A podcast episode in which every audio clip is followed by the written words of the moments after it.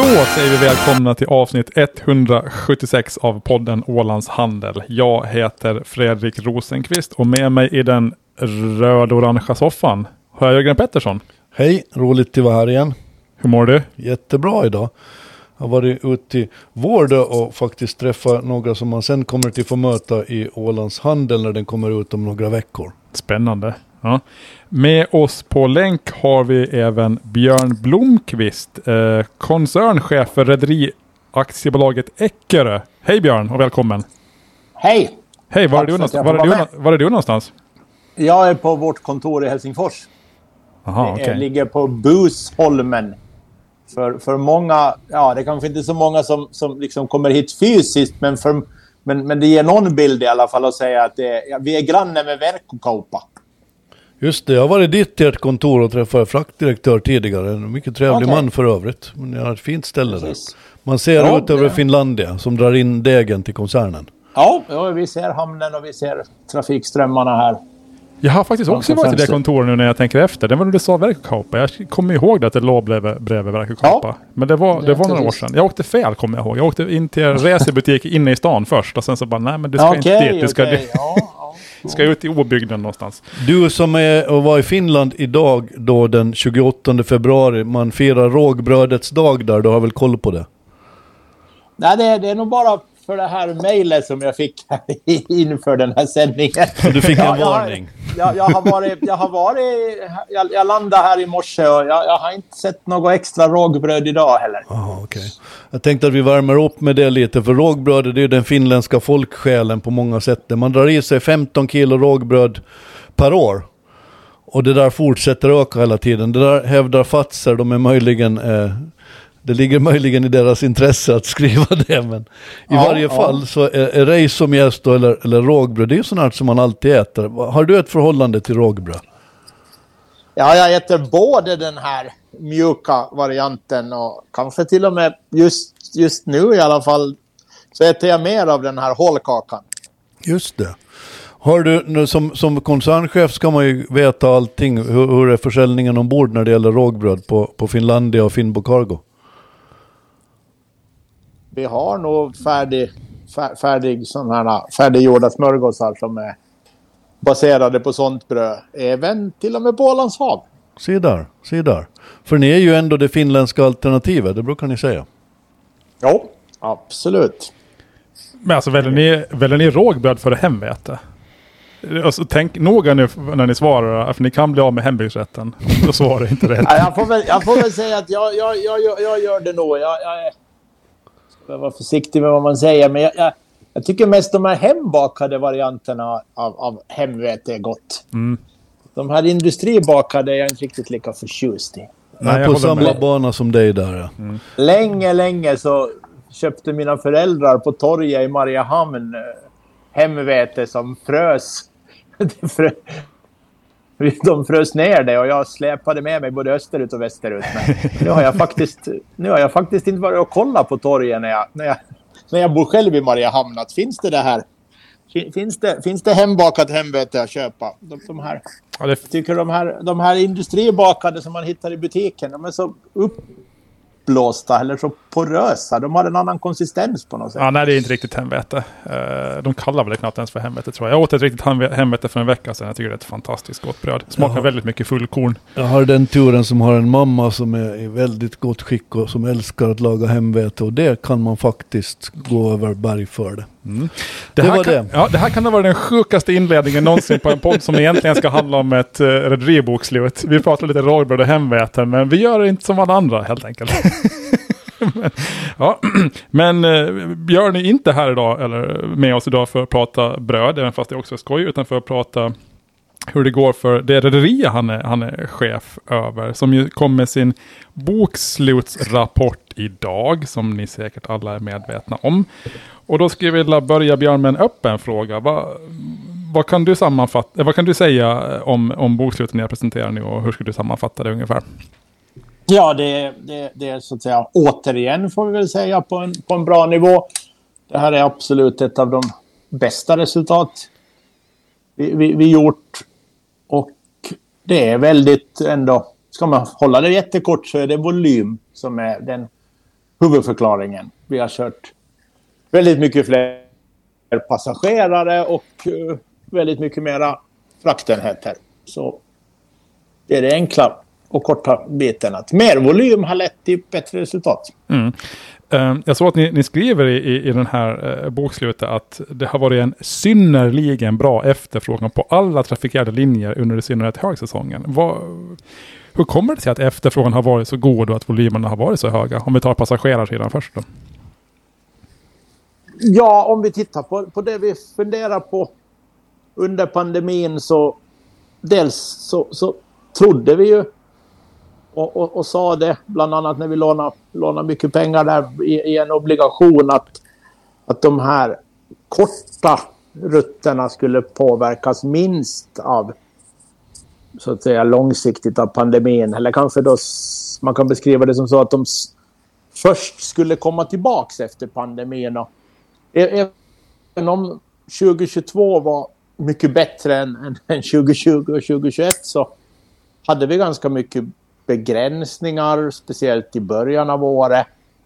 Och, och, och sen hade vi då ända fram faktiskt till midsommar 2022 innan de liksom innan, innan alla begränsningar var borta. Då kanske för den som reste och kände till så kanske det inte var så mycket men man behövde ha en del vaccinationsintyg och annat hela första halvåret. Allt sånt har varit borta under 2023. Så dels är vi då tillbaks på någon form av normalt tillstånd och vi tror också att det fanns ett uppdämt resebehov som, som nu då fick liksom, tillgång till, till fritt resande och då, då blev det faktiskt en väldigt bra sommar. Mm. Med väldigt hög efterfrågan. Det här med att det, det, var ett uppdämt resebehov som fick utlopp. Talar det för att efterfrågan nu framöver blir lite eh, sämre? Alltså reste folk av sig sommaren som gick och att nu blir det mer en, en lägre nivå på efterfrågan? Eller tror du den här höga nivån kan hålla i sig? Jag, jag tror inte att, det, att, att, den, att, det, att de reste av sig vad det gäller de här korta resorna. Jag, jag tror att just så som vi har beskrivit i flera år nu att den här där man reser över dagen, där man, där man reser några timmar, där man reser i närområde. Där, där tror jag inte att, att, att, att man har liksom rest av sig. Däremot så tror jag inte att vi kan räkna med samma tillväxt. Nej. Vi, vi kan inte liksom sätta en, en linjal på 2022 och 2023 och fortsätta dra rakt ut och tro att det ska växa så mycket under 2024 och 2025. När vad växte omsättningen med? Var det 19 procent eller något sånt? Ja, det stämmer bra. Tänk att jag kommer ihåg en siffra äntligen. Ja, ja. Plötsligt händer det. Så vi kan, in, ja. vi kan inte dra, dra ett streck 19% tillväxt varje år nu i, i evighet. Nej, det kanske, det kanske är lite, lite optimistiskt. Attans, okej. Okay. Hur mycket... Sen är, det ju alltid på, sen är det ju alltid på kort sikt också hur, hur inflation och hur svenska kronans så vidare kurs utvecklar sig. Men, men, men oberoende så tror jag inte vi kan räkna med 19% tillväxt, nej. Hur mycket av tillväxten förklaras av att ni har kunnat höja priserna på biljetter och på det ni säljer ombord? Ja, en, en, en hel del kommer, kommer nog därifrån. Helt enkelt bara av inflationen. Att, att för första gången på väldigt länge så, så har vi ju... Så det är ju en skillnad på real tillväxt och nominell tillväxt. Då. Mm. Så att vi, har, vi ser ju nu när vi har lyckats göra ett bra resultat. Vi var väldigt oroliga under året för inflationen och vi verkar ju då ha kunnat, kunnat följa med. Så, så så en del av den där tillväxten kommer ju från inflationen då. Att, att både så kostnaderna har ökat, det kunde vi inte påverka, det fick vi leva med. Och det vi kunde göra var att försöka höja priserna i samma takt. Då. Nu har vi facit för 2023 och vi, vi, vi verkar ju ha lyckats med det. Mm. Men, men, men, det är liksom en, men det är en helt ny värld, det vill jag säga. att Just när jag uttrycker mig så här att vi verkar ha, vi kan se det i efterhand under många, många, många år så hade vi inflation mellan 1 och 2,5 procent ungefär. Och då är det mycket lättare att planera att oj, vi tror att inflationen ska vara 1,8 nästa år. Ja, men om vi lyckas höja priserna med 1,8, kanske vi kan höja med 1,9, då, då blir det här bra. Under, under 2023 har vi upplevt att vi har bara fått höja priserna där vi kan och, så mycket det bara går. Försökt se vad som har hänt. Oj, nu höjde vi så mycket så ingen köper. Nu får vi hålla igen lite. Men sen när man får nästa faktura från, från alla möjliga leverantörer så upptäcker vi att oj, oj, oj, de har ju höjt ännu mer. Det, det har ju liksom varit alla råvaror och det har varit allt har gått upp i pris. Och rent, speciellt då för, för ungefär ett år sedan, alltså i, i, under, under första halvan av 2023, första kvartalet. Så därför är det, därför är det glädjande med facit i hand att man ser nu då att okej, okay, det blev ett det, det, blev ett det blev ett bra resultat. Tydligen lyckades vi hänga med i det här racet. Då. Nu håller det ju på, tack och lov på att lugna ner sig lite och vi, vi kommer ner på kanske lite måttligare inflationsnivåer och då blir det lite lättare att planera och lite mindre kaotiskt så att säga.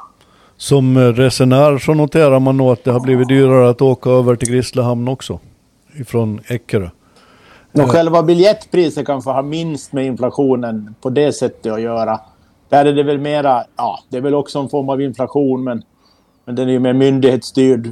Dels då förstås i sig, bränslepriset har ja. gått upp men sen har vi de här utsläppsrätterna som dyker upp som ett, som ett extra kostnadsmoment.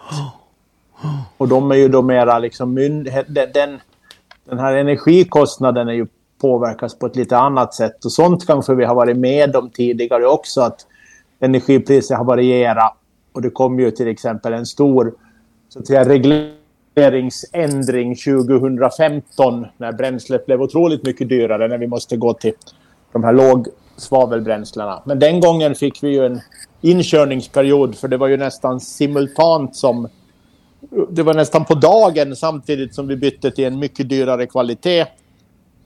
Så gick råoljepriset ner våldsamt. Så den här början på 2015 var lite annorlunda. Men, men, att, men att energikostnaden varierar, det är vi vana vid. Men, men att, liksom var, att, att varenda sak vi köper, om det sen är mjöl eller smör eller kött eller fisk, eller, det, det, var, det var nytt under året. Mm jag är lyckligt lottad på det sättet att jag, jag, har ett årskort som gäller fortfarande en månad på, på Eckerölinjen med, med bil och allt. Men sen är det, är det pendlarkort som gäller. Det var ju lite upprört när ni införde det här pendlarkortet. Hur, hur ser det ut nu? Har kunderna liksom tagit emot det väl eller är folk eh, arga på er? Ja. Om man, om man tänker på hur många kunder vi har så har nog kunderna tagit emot det väl. Ja. Men det är klart, vi har många kunder och en del är fortfarande arga och, och ledsna. Och precis som i ditt fall så när vi berättade här i, i augusti, september, vad var det, slutet på sommaren, så det var ju många som hade kort som var giltiga många månader eller nästan ett år nu. Så att varje, varje gång som, som den, man, man påminns det ju om det då när kortet går ut och man ska skaffa, skaffa nya biljetter. Så visst finns det fortfarande en del påstötar och frågor och mm. påpekanden. Mm. Och, och det kan vi liksom inte förneka att relativt sett så går ju priset upp väldigt mycket då. För, för de som har utnyttjat de här årskorten och rest mycket. Det, däremot är det ju så att det börjar från en extremt låg nivå. Vi har ju i princip knappt tagit betalt. En två, tre rundturer lite beroende på hur man åker och hur många man är i bilen. Och hur man utnyttjar det efter två, tre rundresor så sen har man kunnat åka gratis ett år. Ja, alltså var, jag tänkte säga det, var inte alldeles för billigt de där årskorten. Man köpte det, det, det och så åkte man två det, gånger. Det är, där, det, är väl där felet ligger och, och det, det, det är klart att vi... Det här får vi bara, det här får vi bara ta så att säga och förstå. Att ingen, ingen är glad för alla de åren man åkte gratis utan man är, man är arg när man måste börja betala. Det, det, får vi, det får vi leva med och vi får, men, men vi måste göra det här av många mm. orsaker. Dels då energipriset går upp. Vi är, vi är, vi är så att säga piskade att bli effektivare och hållbarare. Och, och ett sätt är ju ändå prismekanismen att det, det, vi kan inte ha en sån situation att det, i praktiken är gratis att ta bilen med sig. Mm.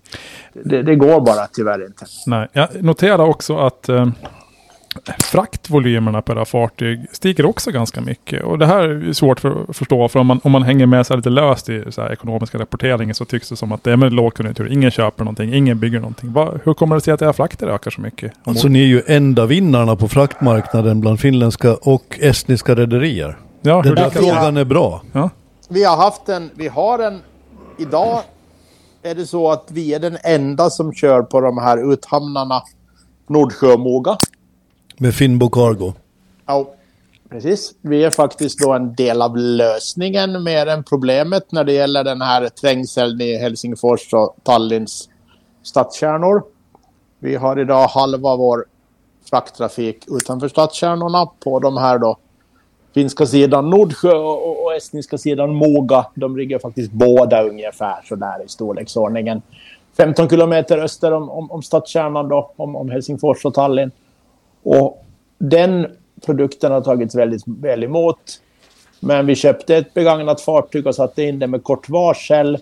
Hamnarna har varit väldigt eh, positiva till det här. Det är klart att vi hjälper också då städerna och deras hamnar med att minska trängseln i centrum.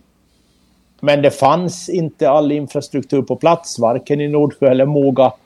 Och den har hamnarna försökt sätta på plats så snabbt som möjligt. Men där har både varit en pandemi och sen ett krig, Rysslands anfall på Ukraina som har försvårat tillgången på, på både arbetskraft och råvaror och stål och stålkonstruktioner.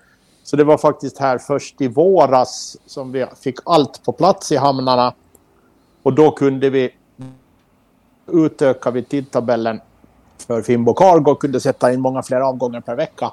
När hamntiderna krympte ihop ganska kraftigt tidigare då så den här Finbo har två fulla fullhöjdsdäck, två, två liksom trailer eller långtradar, alltså lastbilshöjd däck. Och då fram tills i våras så lastade och lossade vi övre däcket via interna ramper. Nu har vi en sån här dubbel, dubbelnivåramp eller en så kallad linkspan. Så nu kan man då lasta och lossa med helt vanlig rak genomkörning på samma sätt som man har på nedre bil, bil då. Att, att, det går väldigt mycket snabbare att lasta och lossa. Vi fick väldigt mycket kortare hamntider och därigenom kunde vi lägga in många fler turer. Då växer vår kapacitet på den här ganska unika produkten då.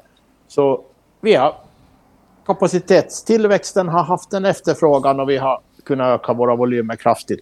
På, på hur, hur lyckades ni få hamnarna med på den där? Det där är ju en otroligt uh, en sensationell lösning egentligen. För nu är verkligen Finnbo Cargo en bro nästan mer än en båt, även om man är en båt Det också, finns men... ett stort tryck från befolkningen i båda, i båda städerna, i innerstäderna, på att man vill ha bort den här lastbilstrafiken från centrum.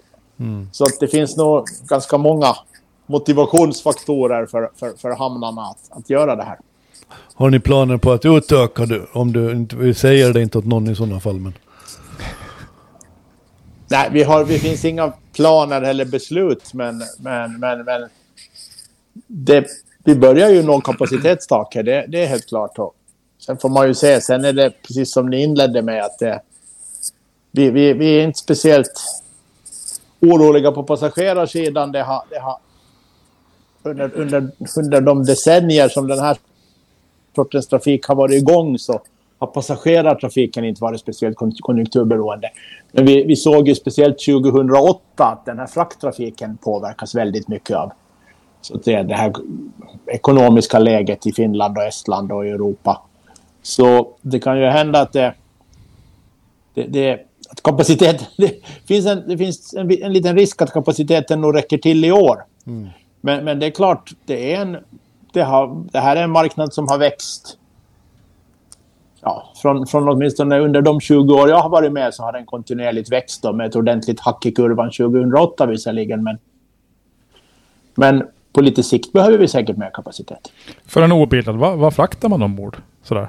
vad finns det ombord på de här långtradarna? Allt, allt möjligt? Allt, allt möjligt. Och vi har, det, det, det, man, kan, man kan ju ta fram man kan ta fram generell statistik och så. Och visst kunde vi väl sätta oss och försöka gissa på, på de fraktdokument vi har, men men, men, men någon sån här... Vi har, vi har ingen sån här direkt uppföljning av exakt hur de här volymerna rör sig. Mm. Men dels är det ju då... Dels är det export och import ner ofta östra halvan av Europa. Det är hemskt mycket västra halvan kanske det går över Sverige. Eller så går det direkt till Tyskland. Från Finland att det går direkt förvägen till Tyskland. Men allt som mera ska någonstans, var nu sen gränsen går, det är ju flytande. Men öster om Berlin eller, eller liksom hela, hela vägen ner nästan ända till Medelhavet. Mm. Är det oftast varor Så- som så- är så- så är avsedda det- för konsumtion eller är det liksom insatsvaror generellt? Sådär? Ja, Det beror, lite, det beror väl lite också på läng längden. Att väldigt, dels är det ju då den här traditionell export och importvaror som, som är på väg någonstans. Eh, både insatsvaror och, och sånt som, som är färdigt. Men sen har vi nog en hel del trafik i närområdet som, som är liksom en del av en produktionsprocess här. Där, man, där man lite förenklat snickrar ihop något eller svetsar ihop något i det ena landet, för det till det andra landet för att slipas och blästras och målas och sen för det tillbaks igen för att fortsätta med att sätta på sitsen eller stoppningen på någon stol. Alltså det, en hel del saker och ting åker fram och tillbaks över havet ganska mycket i av alla de möjliga slag. Det, det kan vara något djur, det kan vara, det kan vara det kan vara sådana saker som vad heter det, djur som ska ätas. Det kan vara gri, gri- grisar och kossor som kanske i det ena landet eh, dö, dö, vad heter det, vad gör man med dem? Avlevar dem och grovstyckas och i det andra landet finstyckas de eller förädlas vidare eller läggs in eller det, det åker massor med saker fram och tillbaka över havet. På så här, det, vi, vi pratar ju ändå bara om en två timmars transport. Ja, ja. Och mer och mer spe specialiserad liksom, produktion där, där, där. Jag menar, vi hör ju de här historierna ibland om, om norsk fisk som, som släpas till Asien för att fileas och tas tillbaks. Då är det ju kanske inte så förvånande över att en del industriprodukter eller till och med då mat transporteras mellan Finland och Baltikum som en del av en produktionsprocess. Då. Men Traditionell- exakt fördelningen mellan vilka, men liksom, exakt fördelningen mellan vil- vilka slag och vad vi har, det har jag inte riktigt någon tillförlitlig statistik. Vi är denna vecka sponsrade av Ålandsbanken, den självklara banken för privatpersoner och företag som prioriterar hög tillgänglighet och personlig service. Mm. Anna, visste du om att Ålandsbanken har utsetts till Finlands bästa private banking-aktör tre år i följd? Det har jag noterat, men då är ju frågan så här för mig lite grann, vad är private banking, Fredrik? Det är en tjänst för kunder som har hunnit samla ihop ett större kapital och därmed har ett större behov av mer personlig service. Till exempel att eh, få hjälp med att förvalta de här pengarna. Just det, det är väl förstås en viss skillnad mellan att tjäna pengarna och förvalta dem. Man behöver inte nödvändigtvis vara bra på bägge, antar jag. Nej, och det som jag gillar med Ålandsbankens private banking det är att man kan själv välja hur stor roll man vill spela i hur ens pengar placeras. Antingen så väljer man diskretionär förvaltning och då tar banken helt hand om placeringarna åt dig. Eller så väljer man konsultativ förvaltning. Eh, då fortsätter man fatta sina egna placeringsbeslut men man får råd av sin private banker. Eller så väljer man att vara en aktiv placerare och använder sin private banker mer som ett bollplank. Är du med på skillnaden? Absolut, eller vi kan säga ungefär. Framförallt så tror jag ju stenhårt på att man ska dra nytta av att andra kan det här. Eh, och och eh, då kan jag ägna mig åt det som jag kan. Det är väl så vi bygger tjänstesamhället, eller hur? Absolut, och man ska inte skoja bort de här höga vitsorden Ålandsbanken får för sin private banking. Så att om man har ett kapital förvalta så tycker jag det är en jättebra idé att ta hjälp av riktiga proffs verkligen. Så för att få veta mer om Ålandsbankens private banking så går man in på ålandsbanken.dax eh, private banking förstås. Eller så besöker man något av bankens kontor eller så ringer man 018 29 011 och får reda på mer av folk som kan. Vi säger varmt tack till Ålandsbanken för att de är med och sponsrar den här podden. Traditionellt så har ju marknadsandelar varit en väldigt viktig del i kommunikationen mellan rederierna över Finska viken och också här eh, över Ålands hav. Men, men ni, har, ni började ju som trea eller vad man ska säga. Numera är ni tvåa i statistiken efter Tallink. Hur, hur långt har ni kvar innan ni är på topp? Ja, man ska väl aldrig säga aldrig, men med, med, med det man ser framför sig nu är det nog svårt att föreställa. Då, så, som, så, som, så som marknaden ser ut så tror jag vi ska vara... Så är det tillräckligt ambitiöst att fortsätta att, att sikta på att fortsätta vara tvåa. Mm. Hur många procent kan den här marknaden växa totalt per år framöver? Mm. Det är skoj om man har, alltså man kan ju ha liksom, samma marknadsandel år efter år, men om marknaden i sig växer med 15 procent per år, då blir det ändå ganska bra. Men hur, hur mycket växer den? Jag har inte just de siffrorna framför mig. Vi kan väl säga att den har nu under, under de 20 år jag har varit med har den växt rejält utöver vad man nu väljer att jämföra med BNP-tillväxten mm. eller, eller, eller inflationen. Alltså det här har varit en växande marknad nu i åtminstone 20 år. Hur kommer det sig? Är det för att man fraktar mer varor just den här vägen eller är det liksom vad, hur, hur, kan den växa så mycket? Liksom? No, den generella tillväxten kommer ju från att Finland har haft en bra tillväxt. Och när i någorlunda friska förhållanden med frihandel och fred så brukar handeln växa mer än BNP. Mm. Och sen... Sen har ju då Estland utvecklats otroligt. Och inte bara Estland, också det som finns bakom, Baltikum och, och Östeuropa har ju haft en otrolig tillväxt. Man har haft enorm potential på det sättet att man var väldigt under... Det såg väldigt illa ut när muren rasade runt ja, 1990. Och det har funnits liksom ambitiös, ambitiösa befolkningar som har jobbat hårt och det har växt. Och det har ju varit... Och där har ju den här...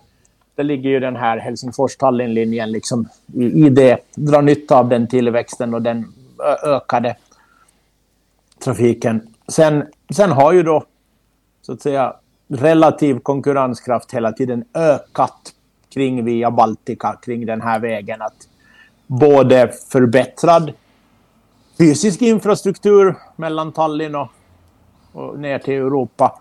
Men, men också vad ska man kalla administrativ infrastruktur. Gränsövergångar och liknande har blivit lättare och bättre och sen har de här länderna gått med i EU och det har... Det, hela tiden har det funnits trender. Sen skulle jag också själv tro att den relativa liksom ändå bränsleprishöjning som kom med de här svavelreglerna 2015 ändå i någon mån flytta en del gods från de här långa linjerna från Finland ner till kontinenten till den här korta linjen och sen på lastbil vidare till Så, så det, det är många samverkande faktorer mm, okay. som, har, mm. som har skapat en kraftig tillväxt på den här kortrutten. Men är, är det hela förklaringen nu då? För ni, ni till exempel ökade frakten med 11 procent. Medan då säg Tallink, om man tar dem som den största konkurrenten, tappar 21 procent. Det är rätt stor skillnad.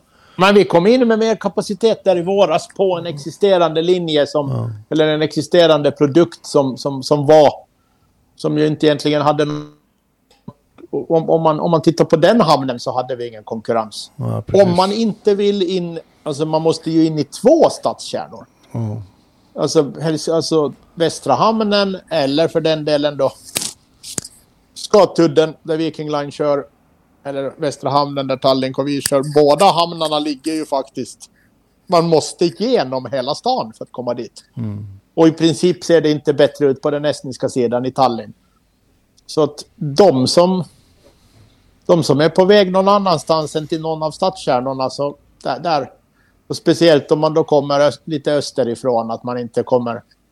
kan väl hända att om man kommer från Åbo så är det kanske någon som gör bedömningen att Västra hamnen ligger bra till i Helsingfors. Men kommer man liksom från Lovisa eller Borgo, Kouvola så, så, så, så, är ju faktiskt Nordsjö på rätt sida. Mm. Och ska man sen vidare i Estland söderut så då har man ju också ett litet försprång i Moga istället för att komma i land i hamnen i Tallinn och ha hela Tallinns stadskärna framför sig innan man kommer ut på öppna vägar. Uh, hur nöjd är du med lönsamheten? Jag kollar på er rörelsemarginal och om jag har räknat rätt så den, den är lite lägre än, än ett annat rederi som finns på Åland som kör med röda båtar. Uh, oh, 9,7 procent mot 11,1 för det andra rederiet. Uh, är, du ändå, är du ändå nöjd fast ni är lite mindre lönsamma eller hur? Ja. Ja, alltså det, ja, vi, vi, vi har ju gjort en jätte en jättestor förbättring och, och vad heter det? Det här är på de, det här är de nivåer, kanske till och med bättre än vad vi har legat historiskt, eller bland de bästa resultaten. Skulle väl vara lite, skulle vara dumt att vara, att vara arg för att någon annan har gjort det ännu bättre. Nej, Tvärtom får man väl se det som att så pass likartade verksamheter är det väl så att det, det, det sporrar ju till att skärpa sig. Mm. Kan, kan, kan de göra 11,1 så varför skulle inte vi kunna göra det? Det, det är bara att gratulera Viking Line. Det är, det är ju en otrolig förbättring och vi tycker ju att vi är jätteduktiga nu med vårt 9,7 och de har då lyckats med 11,1 så det är väl bara att gratulera dem. Ja, det, det skadar ju inte er att det går bra för dem också tänker jag. Och, vi, och, och vår målsättning är ju förstås att bli bättre, bli bättre än Viking Line, men inte genom att de går ner från 11,1 utan att, utan att vi kommer förbi det förstås. Ja, ni, du, du är inte mer glad i, nästa år om ni båda går med förlust, men ni gör lite mindre förlust. Så. Nej, jag är inte glad om jag, inte glad om, om, om jag har slagit Viking Line Nej. att de har blivit sämre heller. Ja. Det, det, det. Jag måste ställa samma fråga till dig som jag frågar Jan Hanses och Johanna Bojer Svanström. Är det, är det, kommer det vara en, en, en marginal runt 10 framöver nu? Är det det nya normala eller, eller är det här liksom en, ett, ett toppår som är, blir svårt att upprepa? Det ska nog vara fullt möjligt att nå den här marginalen på 9,7 i framtiden också. Hur viktig är den här lönsamheten? Det är klart ni ska hålla era aktieägare glada och det gör ni antagligen nu. Ni delar ut 44 procent eller 2,50 per aktie. Vilket de är värda, det måste sägas för de har, de har, de har faktiskt varit tålmodiga här under de här åren och tappra många av dem. Eh, men, men det är ju inte bara det, ni måste ju också samla i ladorna för, för, för de nya regler som ni ska anpassa er för framöver. Ja, det är väl så att vi måste ha en stark balansräkning och vi måste samla i ladorna för kriser och chocker och oförväntade händelser. Men vi måste också ha den här lönsamheten för liksom det, det vardagliga, så att säga. Vi, vi, vi, vi, vi kan ha... Vi, vi, vi behöver... Vi kommer nog aldrig att vara lika skuldsatta som vi, som vi har varit. Som, som vi var de här åren från 2008 till, till 2017, 18 kanske. Uh, men, det, men det är ju liksom... Det, det, det, att ha en stark balansräkning och lägga, ha, ha, ha, ha lite lagrat i ladorna, det, det kan ju möta en sån här liksom kris eller en chock eller något, något oväntat. Men, men för att man ska liksom kunna leva år efter år så måste man vara lönsamma. Det går inte att bygga upp så stora buffertar så att man liksom kan vara så att man sen kan vara olönsam och ta, och ta bufferten heller. Det, det, det slutar aldrig väl. Nej, det finns ju många fördelar med höga marginaler, men en, en fördel är att det, det är längre ner till noll. Då. Om man ligger på marginaler på 2-3% så behöver det bara gå lite dåligt och sen är man, går man förlust. Liksom, så att, Så, så, så, så är det. Jag var ju en... Jag, har tillbringat, jag är väl lite skadad av det. Jag har tillbringat fem år av mitt liv i flygbranschen. Och där var det ju lite som en parallell värld på något sätt. Det är varken, i- ingen, i, i, i, i, ingen, inte ens de här annars kritiska ekonomiska journalisterna gick ju någonsin hårt åt flygbolagen. Utan man hade ju en lönsamhet i flygbolagen som, som, som liksom skulle ha varit fruktansvärd på alla andra ställen. Men, men i flygbolagen, där bette man bara absoluta tal. På ena året så gjorde man en halv miljard förlust och andra gjorde, året gjorde man en miljard vinst och då beskrevs det som en succé och man hade förbättrat sig enormt.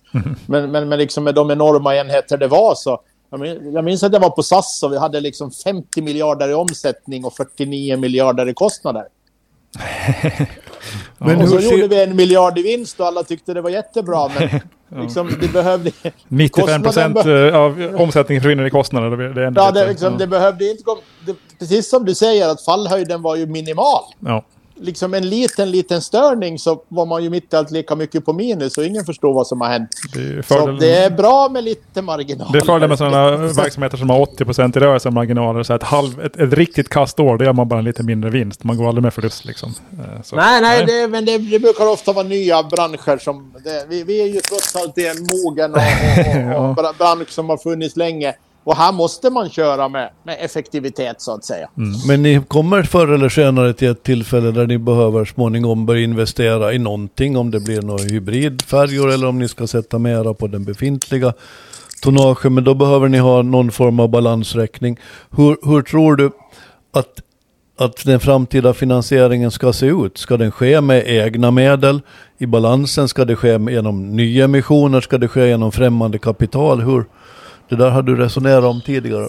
Vi, vi, kommer, vi kommer absolut att behöva låna lite pengar den dag vi ska investera mm, något mer substantiellt i fartyg. Men vi kommer nog aldrig att ligga på, dem, på, på, på så höga belåningar som, som vi har kunnat göra här. De, de, ja. Mer än halva den... Mer än, mer än hälften av min tid i bolaget har vi haft en väldigt hög belåning sett, sett liksom till vad jag tror om framtiden. Men, men det var en... Vi upplevde en avreglering, en stabilisering, väldigt låga marknadsräntor, väldigt en, en låg riskvärld på något sätt. Och den, har, den har ju förbytts till en mycket mer volatil och besvärlig och riskabel värld. Höga räntor och helt andra syner på risk. Så att vi kommer nog aldrig att kunna låna så mycket pengar igen. Men vi har ju som det här som det här 2023, det här bokslutet visar, 2023 års bokslut.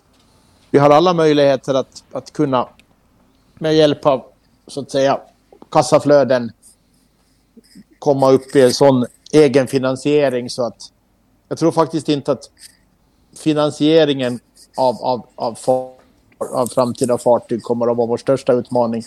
Den största utmaningen är nog att välja rätt fartyg. Vare sig det är nybyggen eller bättre begagnade. Om man, om man kollar på, på era kassaflöden för i fjol, de är ju spännande i den meningen att ni, ni sålde fartyg för 42 miljoner flöt det in. Eh, och sen genererar ju rörelsen också ett ganska stort kassaflöde. Ni, ni tar i princip allt det här och betalar av på era lån. Ni betalar av lån för 50 miljoner euro. Det är hisnande summor. Var, hur, hur tänker ni där? Varför använder ni era, ert kapital på det sättet att minska skulden? Varför är det För att, klokast? vi, för att vi tog ett lån i november, tror jag det var, va? Oktober, november 2021. När vi ju var relativt pressade. Och vi har 7 procentenheters marginal på det Lånet. Som, i okej. övrigt är, som i övrigt är bundet till Euribor tre månader sedan. Så det är två, tvåsiffrig ränta och lite till. Ja, så kan man också säga. Ja. Men ska vi, nu, ska vi nu ta hela bilden så... Det är, egentligen är det de där 7 procenten som är problemet. Ja, ja, okej. Vi har ungefär lika mycket i kassan som vi har lån. Mm. Vi har lite mer lån, det ser ni. Vi har en nettoskuld på 10 miljoner. Vi får också ganska bra avkastning på kassan. När vi, när vi liksom investerar eller när vi placerar vår kassa så, så, så får vi så får vi liksom i princip mark, samma marknadsränta men med lite marginal åt andra hållet. Mm. Bank, banken ger inte riktigt... Vi, vi har inte riktigt direkt tillgång till, till, till interbankmarknaden. Men, men, men det är ju liksom så att det, det, är den där marginalen som är... Vi, vi, vi, vi, det där är dyra pengar. Ja, ja, så det, här, det var det bästa sättet att använda de här pengarna. Jag är fullständigt... Jag är fullständigt alltså, i- vi skulle kunna låna betydligt billigare idag. Mm. Och, och, och, och där är det ju bara... Orsaken till att vi inte sätter om hela lånet det är ju också att det finns ju vissa transaktionskostnader med att, med att göra de här. Vi, vi räknar ju med att vi har en... Vi har ett positivt kassaflöde, kassan växer, vi kunde amortera mycket i fjol. Men eh, fram, framtida lån kommer att tas till helt betydligt, otroligt mycket lägre räntor. Mm. Än med en 7% marginal plus tre månaders Euribor. Ja. Är det fullt fokus nu på att ta bort den sista biten av obligationslånet också? Nej, vi har inga... Vi har varken, vi har varken planer eller, eller, eller- beslut fattade kring det. Det det här är ju lite... Skulle vi ha några planer eller beslut skulle vi vara tvungna att offentliggöra det. Direkt så ni lyder under börsreglerna då? det, det är börs, men, men det kan vi ju säga att, att, att alla möjligheter finns i, liksom, i flexibiliteten i lån. Vi är inte...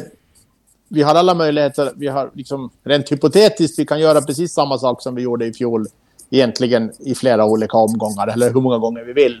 Så det är en stor flexibilitet i det här obligationslånet. Och det var ju väldigt bra att vi kunde utnyttja det i fjol. Då. Men, men det är väldigt dyra pengar. Det är det. Så det låter inte direkt osannolikt att man kanske betalar bort en del i år igen då? Det är också beroende av hur året går. Naturligtvis. Men, men, men som sagt, det finns varken planer eller beslut. Men, men, men, men det, förklaringen är de här sju, sju procenten att, att, att, att det är väldigt, det är väldigt, det är väldigt dyrt, dyrt då. Mm. Och när man placerar kassan så, så får man som sagt någon jäkla... Någon procent avdrag får man på det också. Så, så, så det, det, det var väldigt... Det, det på, vi kommer att ha betydligt lägre finansiella kostnader i år då, eftersom vi har minskat belåningen. Ni har en ganska låg belåning nu. Nu sitter jag och räknar för hand, men nettoskulden genom ebitda är typ 0,2. Är det, här, är det för lågt? har ni liksom så här, borde ni liksom investera och låna mer nu? Över? Ja, vi får väl se var vi hamnar. Men, mm. men, men, men vad heter det? Det är ju lite sådär med att... Vad, vad 17, man, man, kan liksom, det är en sak är att, att lära sig saker genom sko, ur skolboken eller gå på kurs eller hur man ska... Det är en annan sak att det är en annan sak att sitta där och se pengarna ta slut. Ja. som, i, som i maj 2020. Det är ja. så att, ja, jag, jag har lätt på sidan när jag sitter och tycker. Med, det, det är skönt. Med, med svansarna på normalfördelningen och liknande. Ja. Jag vet, det finns visst någon sketch som jag kommer ihåg från, från, som var i samband med den här Three Mile Island eller den här Harrisburg-olyckan när, när numera saliga Hasse och Tage visst argument, hade någon liten diskussion om sannolikhet. Ja, ja. Och, det, och, och det är ju samma här att visst, visst, man kan räkna ut en optimal skuldsättningsgrad och mm. jag tror nog att vi definitivt ligger under. Vi, vi är mindre skuldsatta än vad de flesta skolböcker brukar rekommendera. Ja. Trodde du att ni skulle vara... Ja. Trodde ni att Förlåt. ni skulle vara där som ni är idag? När, om du går tillbaks till, säg hösten 2020, vintern, vårvintern 2021. Tro, trodde, var du hela, hela tiden övertygad om att det här skulle gå vägen? Jag var nog övertygad om att det skulle gå vägen, annars skulle man väl inte ha orkat kämpa med det. Men tittar man på vad som har hänt så har vår verksamhet och våra kassaflöden varit mycket bättre än vad jag trodde de skulle, eller vad jag vågade hoppa att de hoppades mm. att de skulle bli väldigt länge. Kanske relativt nyligen börjar jag väl äntligen förstå hur bra det gick. Men, men om man nu går tillbaka till maj 2020 eller något när de här problemen var akuta till, till mars 2020 när de började. Så, så har nog verksamheten har nog totalt sett gått mycket bättre än jag trodde. Mm. Och den här fartyget Birka då var värd mycket mindre än vad jag trodde. Mm. Det var väl en, en... De här med facit i hand inte riktigt... De, de här där överoptimistiska förhoppningarna om vad vi trodde fartyget var värt, vad vi kunde få för henne, hur vi skulle kunna sälja henne. Mm. Det, var väl, det var väl det som var den där livbojen som, som höll mig flytande då. Mm. Att hade, hade någon sagt att vi skulle sälja henne för 38 miljoner och ändå skulle allt gå bra.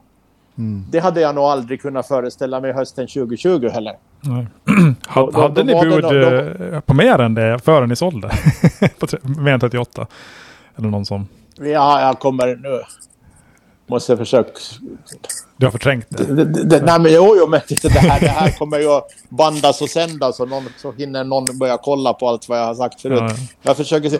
En gång har vi åtminstone mer eller mindre sålt henne. 2020, alltså direkt. Jaha. En gång har vi haft henne, en gång hade vi nog, jag minns inte om det var 80 eller 85. Jag har för mig att vi hade något pris i dollar, så det är väl lite oklart hur många. Men, men då hade vi en, då hade vi i princip ett, ett vi hade henne så gott som såld på, på bokvärde i princip. Okej. Okay. Till, till, till liksom kinesiska köpare. Och där vet jag, det är inte lätt att veta vad som hände i det landet och det här är ju snart fyra år sedan. Men på något sätt så de fick inte finansiering. Om det sen är på kommersiella villkor eller om det är banker eller om det var staten. I det där landet är det ju, och det, då kanske vi har lärt oss mer av det på fyra år som har gått.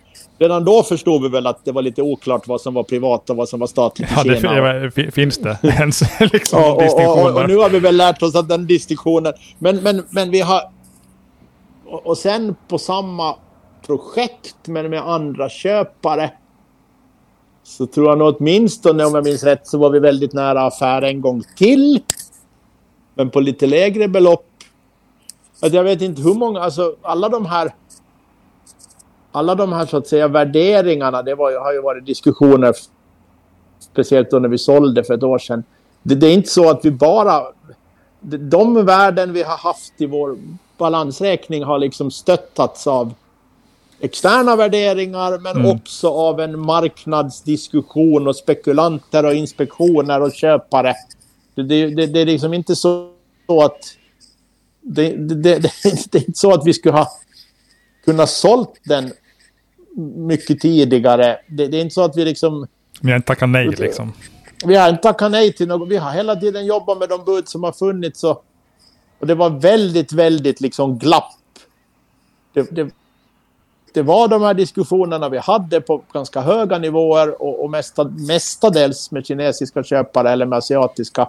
Och sen fanns det de här helt horribla bottenfiskarna som bjöd 5 miljoner eller något liknande eller 12 miljoner och, och en fruktansvärd mängd anbud med märkvärdiga finansieringsupplägg. alltså, i princip att, alltså i princip att vi skulle finansiera det. Sellers credit. Ja, ja. Det, det, var, det var bareboat charter på fem år eller, eller det var tio år eller det var alla möjliga profit sharing. Vi skulle få liksom, avbetalning via någon procent på intäkterna eller procent på ebit eller procent på ebit. Oj, jag, jag har nästan förträngt det där. Ja, ja. Förlåt det att jag... väldigt, att jag... det, det, det, det, gick väldigt, väldigt mycket tid åt att analysera. Mm. Man måste ju ändå... Man kan ju liksom... Man har ju ett ansvar att göra det här rätt. Så även om det låter galet så måste man ju åtminstone bränna några timmar på att försöka analysera att, att finns det något vett i det här då? Mm. Och, och, några projekt gick ganska långt då. Mm. Och sen för, oftast just så var det väl finansieringen skulle jag tippa. Att de här som ville köpa. Sen måste vi också komma ihåg att den här pandemin betedde sig väldigt konstigt. Det gjorde ju det va? Att, att liksom första svängen så gick det ju rakt ner i källaren och sen var ju allt bra igen. Att någonstans där, ja, kanske ni, man borde titta på någon kalender nu, men kan det ha varit augusti 2020 så då var ju pandemin över i princip.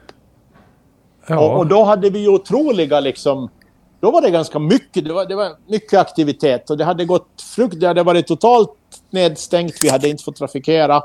Och mitt allt så var allt bra. Sen, sen gick det bara några veckor och så började det gå dåligt igen. Och för varje sån här liksom sväng så gick det mjukare ner och mjukare upp. Att liksom det blev ju så här utmattningshistoria att det blev aldrig riktigt lika mycket nedstängt som det hade varit i, i, i svängen före. Men samtidigt så börjar alla bli desillusionerade och trötta på något sätt. Så det kom liksom aldrig lika snabbt tillbaka heller. Att då i augusti 2020 var det en otrolig optimism och nu skulle det var mycket aktivitet och mycket förfrågningar. Sen kanske det var ungefär samma någonstans på våren 2021. Men sen blev det på något sätt bara sämre och sämre ju längre tiden gick. Ja. Och det var ju också då som man kan se på, på våra bokslut att vi, att vi insåg att vi kommer nog aldrig till de här. Att 82 miljoner är inte realistiskt längre. Och sen i flera omgångar då så skrev vi ner värde mm. i takt med att med att vi börjar inse hur, det, hur landet låg så att säga. Ja. Kommer, det, kommer det att, hur ska man säga? Kommer det vara jobbigt om det går jättebra för Birka nu? eller, eller, nej. nej. nej, det kommer. Nej, inget skulle vara bättre. Ja, okej. Okay. Ja. Eh, vi ska prata lite grann 2024. Eh, som vanligt i, i, i bokslut så, så, räknar man upp en himla massa saker som kan, kan gå fel. Eh, det är, det geopolitiska läget, det är system med utsläppsrätter, det är en svag krona och det är en spänd situation på den finländska ar arbetsmarknaden. Och alla de här sakerna kan ha en stor påverkan på 2024 års resultat. Är det så här illa verkligen? Ja, det skulle jag säga. Okay. Alltså, bränsle har jag levt med nästan sedan jag började på det här jobbet för 20 år sedan. Det har ju varit otroliga svängningar i bränslepriser. Och man lär sig så småningom att det, det är väldigt, väldigt svårt att förutsäga. Hedgar ni då? Just nu är vi, är vi helt ohedgade. Och, och, och, det är också väldigt svårt. Det, det med allt sånt här, man kan läsa skolböcker hit och dit och man kan ha teorier, vilka jag har haft många under mina 20 år. Och, men sen, sen, sen är det det där igen med vad man kallar det svansarna på normalfördelningen. Någon gång händer det oväntade. Mm. Och, och, en sak till exempel med de här hedgningarna. Det, det, hade vi ju, nu, nu hade vi väldigt mycket säkrat för några år sedan och det blev till slut väldigt bra. Vi hade en stor påver positiv påverkan på bokslutet 2022 till exempel. Men vad händer när man har liksom låst sig vid vissa... Man, man, man, man säkrar hälften av bränsleleveranserna. Och så får man flera månaders trafikstopp, vilket vi fick 2020. Då, Exakt. då, då, då förvandlas den där säkringen eller den där för- försäkringen eller den där hedgen. Mitt är man ju en brutal bränslespekulant. Så, Ja, så det. det, vi, vi, det är lite svårt att veta hur man ska bedöma det där med hedgning. Det kan jag väl säga. Man, man, man, bränt barnsjörelden kanske man kan säga. Men det Men, var, det var inte åtminstone tvungna att ta emot alla de här bränsleleveranserna nej, ni, för då hade vi tack och lov helt finansiella kontrakt. Så det enda Ja. vi behövde göra var att betala. ni hade inga sådana här terminskontrakt där ni måste fylla upp så här stora depåer med olja. Så, så, så, nej, vi behövde inte ha fysiskt leverans. Nej, okej, något vad skönt ändå. Men, men, men, men sen ändå så har ju den här bränslehistorien blivit liksom accentuerad eller besvärlig eller mer, mer svårförutsägbar eftersom vi har ju två komponenter nu. Vi har dels vad vi betalar för bränsle men sen måste vi också köpa utsläppsrätter och de har, lever ju också ett eget liv på en marknad. Har ni börjat köpa? Så- Har ni samlat på er redan? Ja, vi köper i, ungefär i takt med att vi släpper ut. Okej. Det är ju också ett lite mystiskt system, kan man väl milt sagt säga. att Vi ska ju lämna in de här utsläppsrätterna för hela 2024 års utsläpp, eller ja, i vårt fall nu då 40 procent första året. För, för 40 procent av de utsläpp vi har 2024 ska vi lämna in utsläppsrätter i september 2025. Exakt. Okej. Så det finns ju, för den som vill, finns det ju alla möjligheter att ta risker. Man behöver ju inte köpa några utsläppsrätter förrän i augusti 2025. För de där kan ju svänga liksom- ganska mycket i pris. Om man tajmar det där Ja. rätt så kan det bli bra. Eller dåligt. Det, det kan bli både bra eller dåligt, men vi, vår grundinställning och det vi har gjort hittills, vi köper i princip en gång i veckan ungefär för det vi förbrukar, eller det vi släpper ut en vecka. Eller för 40 55... procent för säkerhets skull. Alltså för, det är 40 i år och det är väl 70 nästa år och så blir det 100 procent sen 2026. Då. Vad ligger de nu på? 55? Ja, de har, de, hittills i år har utvecklingen varit jättepositiv. Någonstans där, strax under 60 tror jag. Det kan din... vara 55 till och med. Du är ju inte bara, du är inte bara koncernchef på, på Rederiaktiebolaget Eckerö. Du är dessutom ordförande för, för rederierna i Finland numera. Det stämmer. Och där kommer det ju nu eh, goda nyheter idag i och med att eh, Maskinbefälsförbundet också accepterar eh, kollektivavtalet. Så nu har ni bara ett förbund kvar. Varför? Ja, Och här måste jag faktiskt ställa frågan, varför är det så svårt med Skeppsbefälsförbundet?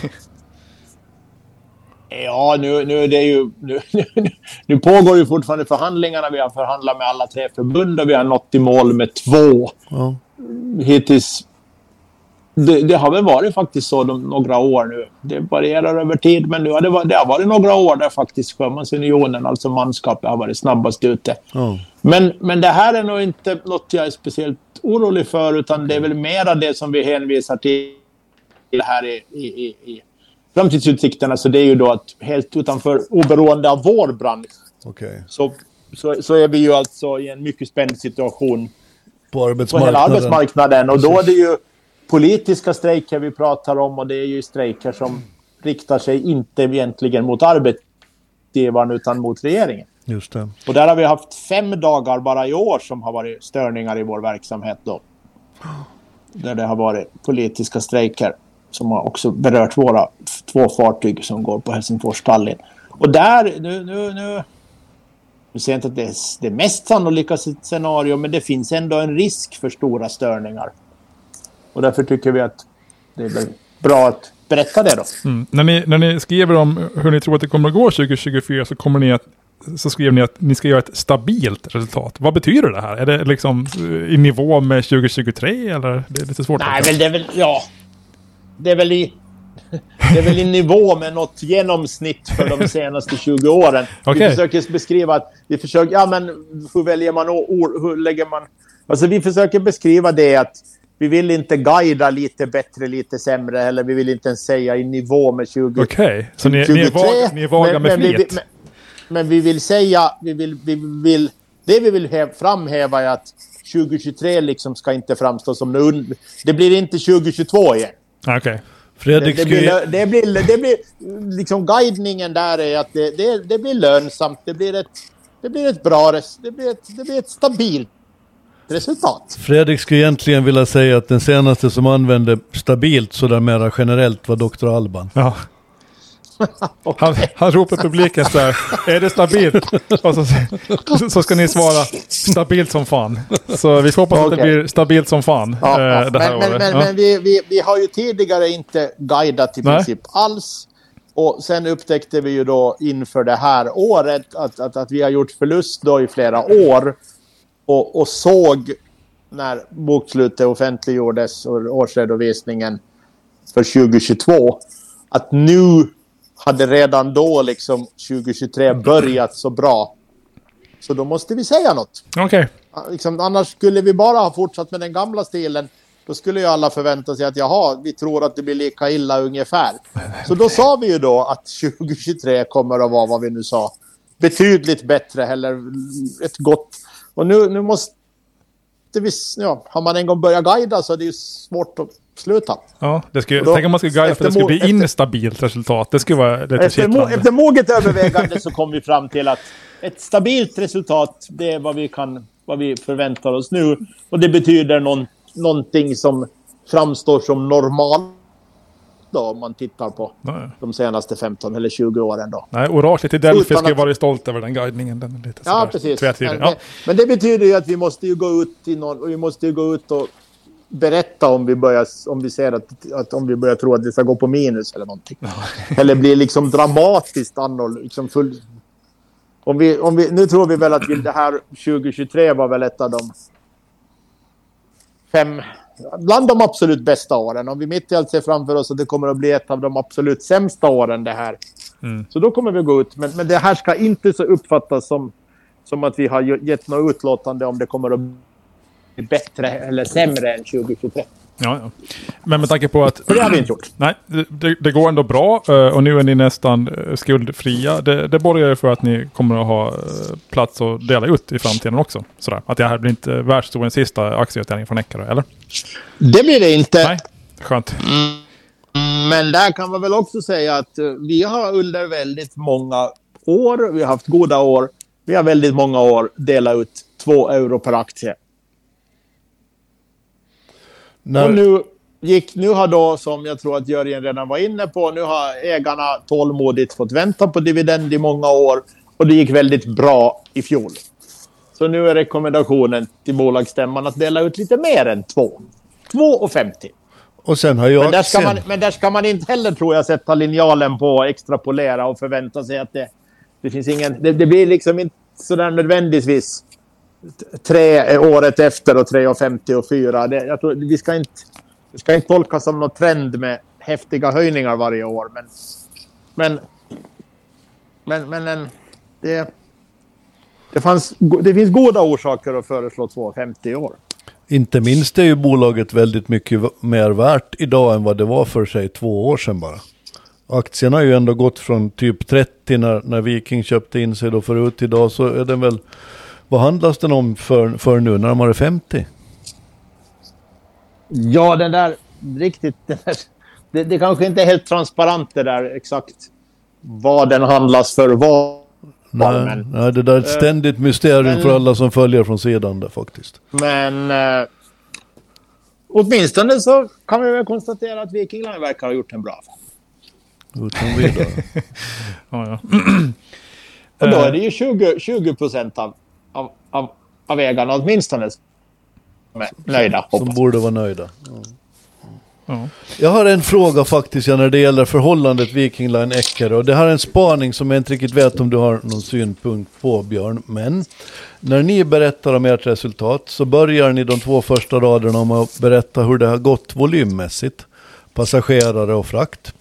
Det har också alltid Viking Line egentligen gjort sådär i det stora hela. Att man börjar med hur många har man kört, liksom i själva kärnverksamheten. Nu har jag noterat att ni fortsätter berätta hur volymerna går. Medan Viking Line inte ens har det med när de sammanfattar året som har gått. V- vad är din syn på det? Nej, jag har, ingen, jag har ingen syn på det. Jag kan bara säga att vi börjar ge ut kvartalsrapporter i och med den här obligationsemissionen vi gjorde.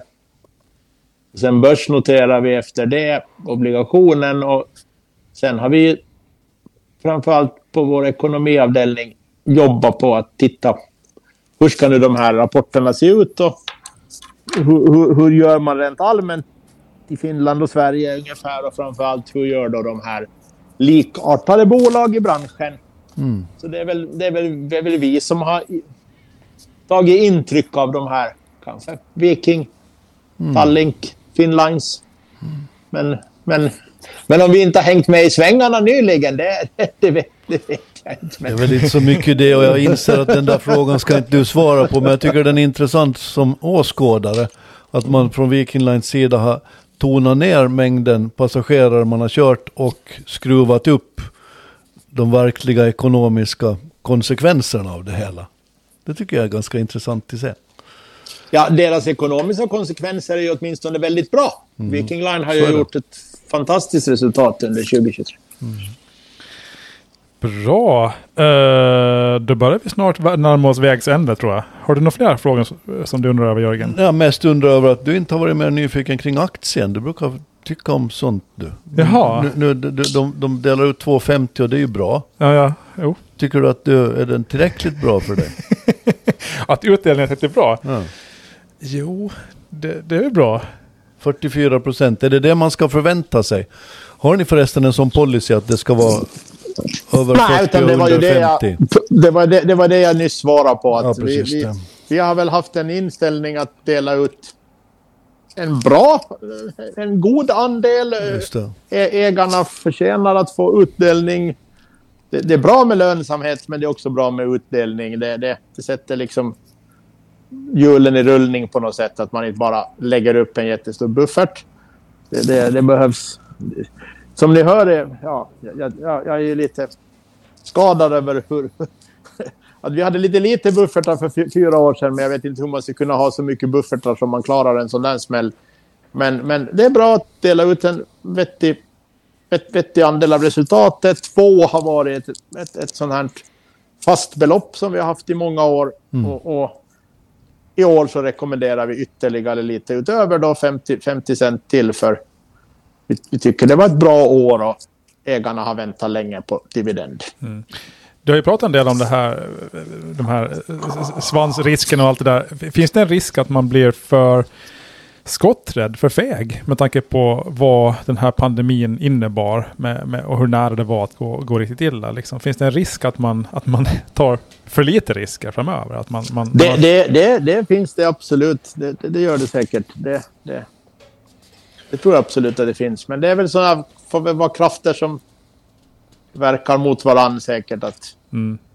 det har, de här erfarenheterna har ju varit hemska och vi har haft det väldigt jobbigt och vi har fått skiljas från en tredjedel av våra kollegor.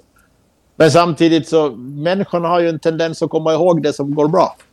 eh, Så, så jag tror nog att vi ska... Vi, vi, vi kommer nog bli modiga igen. Det kommer de, eh, ni har idag 810 anställda och då får man väl de Ja. faktiskt säga att ni har gjort ett hyggligt jobb tvärs över. Ja. När kommer ni till ha bolagsstämma? Det hittar jag inte här. Det, vi- det ligger nog på vår... Det, det, det, det har- det vi offentliggjort. Vi har en sån där, vad heter det, finansiell kalender där, vad heter det, på, på, på hemsidan. Men du har alldeles rätt, det står inte exakt i den här rapporten. Det är den 24, onsdagen den 24 april. På Alandica. På Alandica. Be there och gå hem lite rikare än vad du gick dit.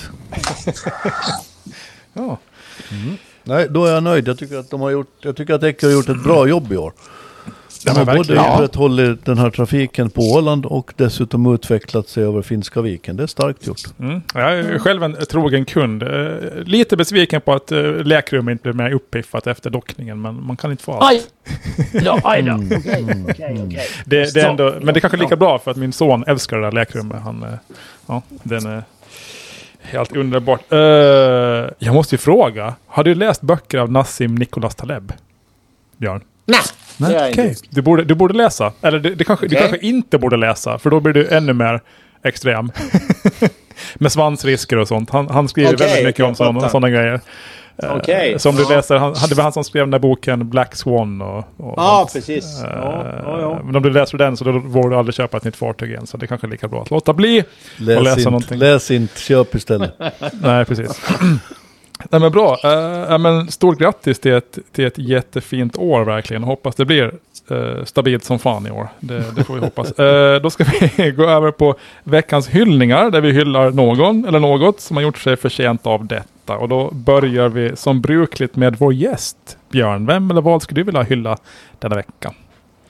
Ja, med, med efter, efter de här åren och att vi äntligen är på torr, tor torr mark igen så får jag väl tycka att det är naturligt att hylla vår personal. Eh, både till lands och besättningen som har genomlidit de här åren och ändå hållit sig vid gott mod och faktiskt har stannat kvar i bolaget. De vill jag hylla.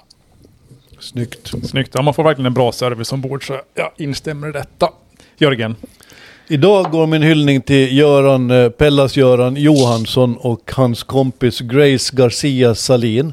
Eh, Grace eh, driver Lollos Café i Geta, ett jättefint ställe för övrigt att hälsa på på. Och nu har hon bestämt då tillsammans med Pellas-Göran, Pellas-Göran tänker cykla från Vårde till Snäckö 54 kilometer den 4 maj. Och det här nu så uppmuntrar de alla att hänga med på. Det är en rätt fin grej. Pellas-Göran, han är stark som en björn och han kommer att cykla det där hur lätt som helst. Och jag hoppas att det är många som hakar på. Inte minst för att hälsa på Grace och, och hennes kafeteria. På en underbart vacker plats. Och de har faktiskt mat som är värd att cykla 54 kilometer för. Så hyll till dem, ett kul initiativ. Mm. Jag ska paddla dit. Det är inte så långt paddelvägen från mig. Nej, det är Nej. det inte. Uh, jag hade en hyllning, men jag byter ut den så här på uppstuds. Jag måste hylla det, det åländska hemvetet. ja, men det, Det var inställsamt ja, men det- nästan utöver det vanliga. det är så fint för det, det är ju ett bröd. Vi, på Åland så det, vårt klimat och vår jordmån det lämpar sig för att odla vete. Inte sånt här råg och sånt här havre och sånt tramp som man håller på med i andra delar av världen. Utan vi odlar vete. Men vi är ju så himla fattiga och eländiga så att vi när vi maler vårt vete så vi, vi tar ju vara på allt. Så det blir ett fullkornsmjöl, det här grahamnsmjölet eller hemvetemjölet. Och så bakar vi våra limpor på det här och vi lägger i som krydda salt. Allt. Ingen socker, inga liksom kryddor, ingenting. Utan, och så äter man ett bröd som smakar ja, men spannmål. Och jäklar vad gott det är. Ja, jag har återupptäckt hemvetet. Jag ska baka hemvete i helgen faktiskt. Det är ett eh, fantastiskt bröd i all sin enkelhet. Protesten mot rågbrödets dag som vi inledde med. Ja, så jag, nu fick jag det sista ordet. Ha. Eh, Björn Blomqvist, stort tack för att du tog dig tid att prata med oss Tack. och, och alla våra Yes. dumma frågor. Och lycka till. Tack ska ni ha för att jag fick vara med. Ja, tack. Och vi ska uppmana alla som lyssnar att eh, gå in på Spotify och podcaster och allt möjligt och ge oss ett betyg. Vad ni tycker om podden. En femma måste ni ge. En fyra om ni är lite missnöjda. Eh, uh, så gör hemskt gärna det. Ehm, och sen vill jag också säga att det här avsnittet är eh, som vanligt sponsrat av Ålandsbanken. Och för att läsa mer om deras prisbelönta private banking-tjänster så kan man gå in på alandsbanken.ax private banking. Då Jörgen, Over and out och eh, tack och hej Björn och för egen del säger jag tack och förlåt. tack och förlåt.